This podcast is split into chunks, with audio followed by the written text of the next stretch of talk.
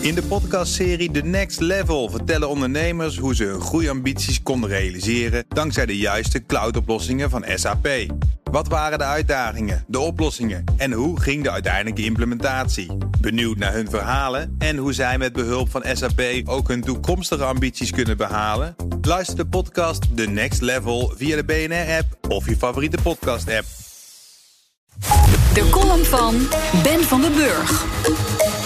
Facebook gaat ons bevrijden. Ze initieerden deze week de Libra-associatie. Partijen als Facebook, eBay, Mastercard, PayPal, Vodafone en 23 andere partijen storten 10 miljoen dollar op een bankrekening om de cryptomunt Libra te ontwikkelen.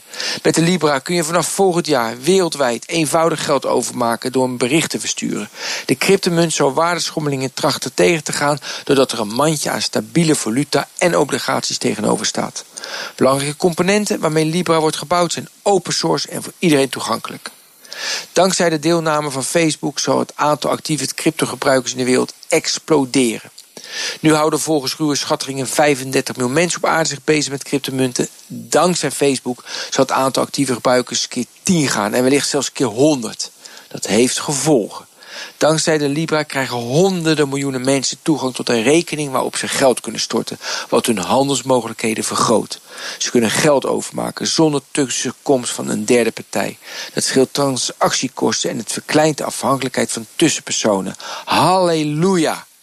De Libra lijkt ons te bevrijden van een dichtgetimmerd, centraal gestuurd, wereldwijd financieel systeem waarbij banken en toezichthouders elkaar in de greep houden.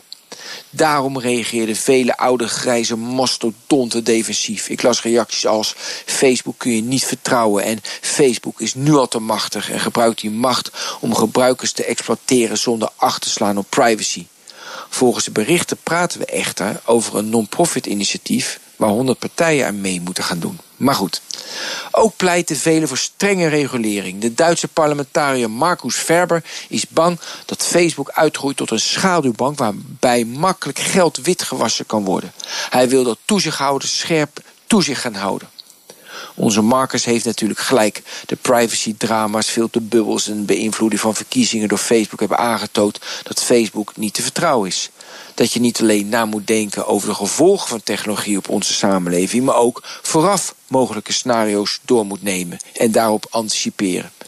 Mark Z anticipeerde inderdaad in een Facebook-post door te schrijven dat privacy en veiligheid bij het ontwerpproces meegenomen gaan worden.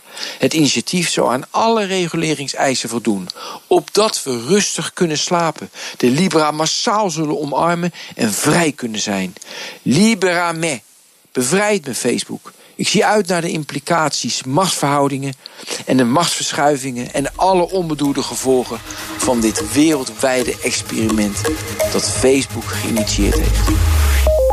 De column van Ben van der Burg op eh, bnr.nl en in de BNR-app vind je veel meer columns en podcasts. Ga dus vooral daar even rondkijken.